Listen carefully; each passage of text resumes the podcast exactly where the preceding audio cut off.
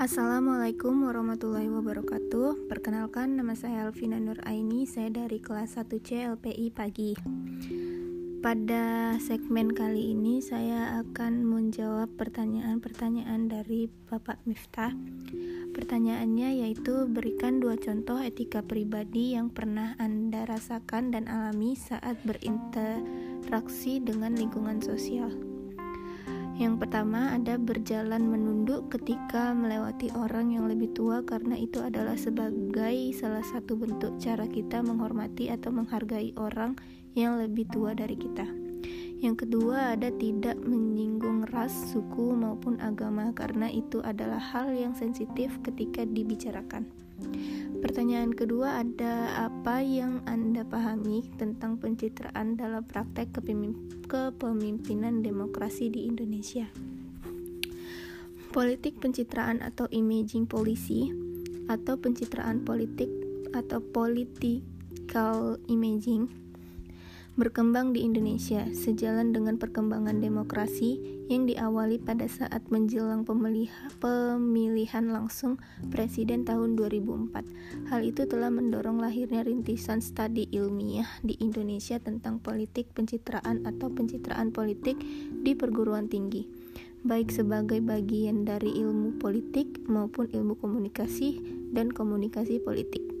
Meskipun demikian, citra atau image, strategi, dan proses pembentukan citra atau pencitraan itu pada hakikatnya telah lama ditemukan dalam studi komunikasi seperti studi retorika, propaganda, public relation, pemasaran, dan periklanan yang bertujuan memperoleh dukungan opini publik.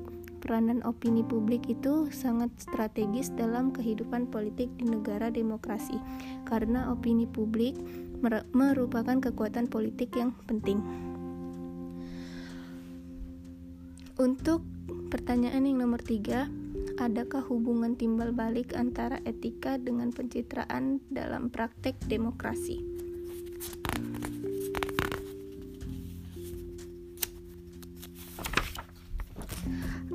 Jawabannya ada, karena etika adalah suatu perilaku normatif yang mengajarkan segala sesuatu yang sebenarnya benar menurut hukum dan moralitas. Etika merupakan sesuatu yang benar tidak dapat dikatakan salah dan sebaliknya sesuatu yang salah tidak dapat dikatakan benar. Untuk pertanyaan yang nomor 4, mengapa fenomena tuduhan pencitraan kerap menempel pada seseorang pemimpin? Jawabannya terlihat dari rekam jejak kehidupan dan pengalaman yang telah dilalui oleh para calon pemimpin baru, yaitu pada aspek pendidikan, latar belakang keluarga, profesionalitasnya, gaya kepemimpinannya, moralitas, dan aspek-aspek lainnya.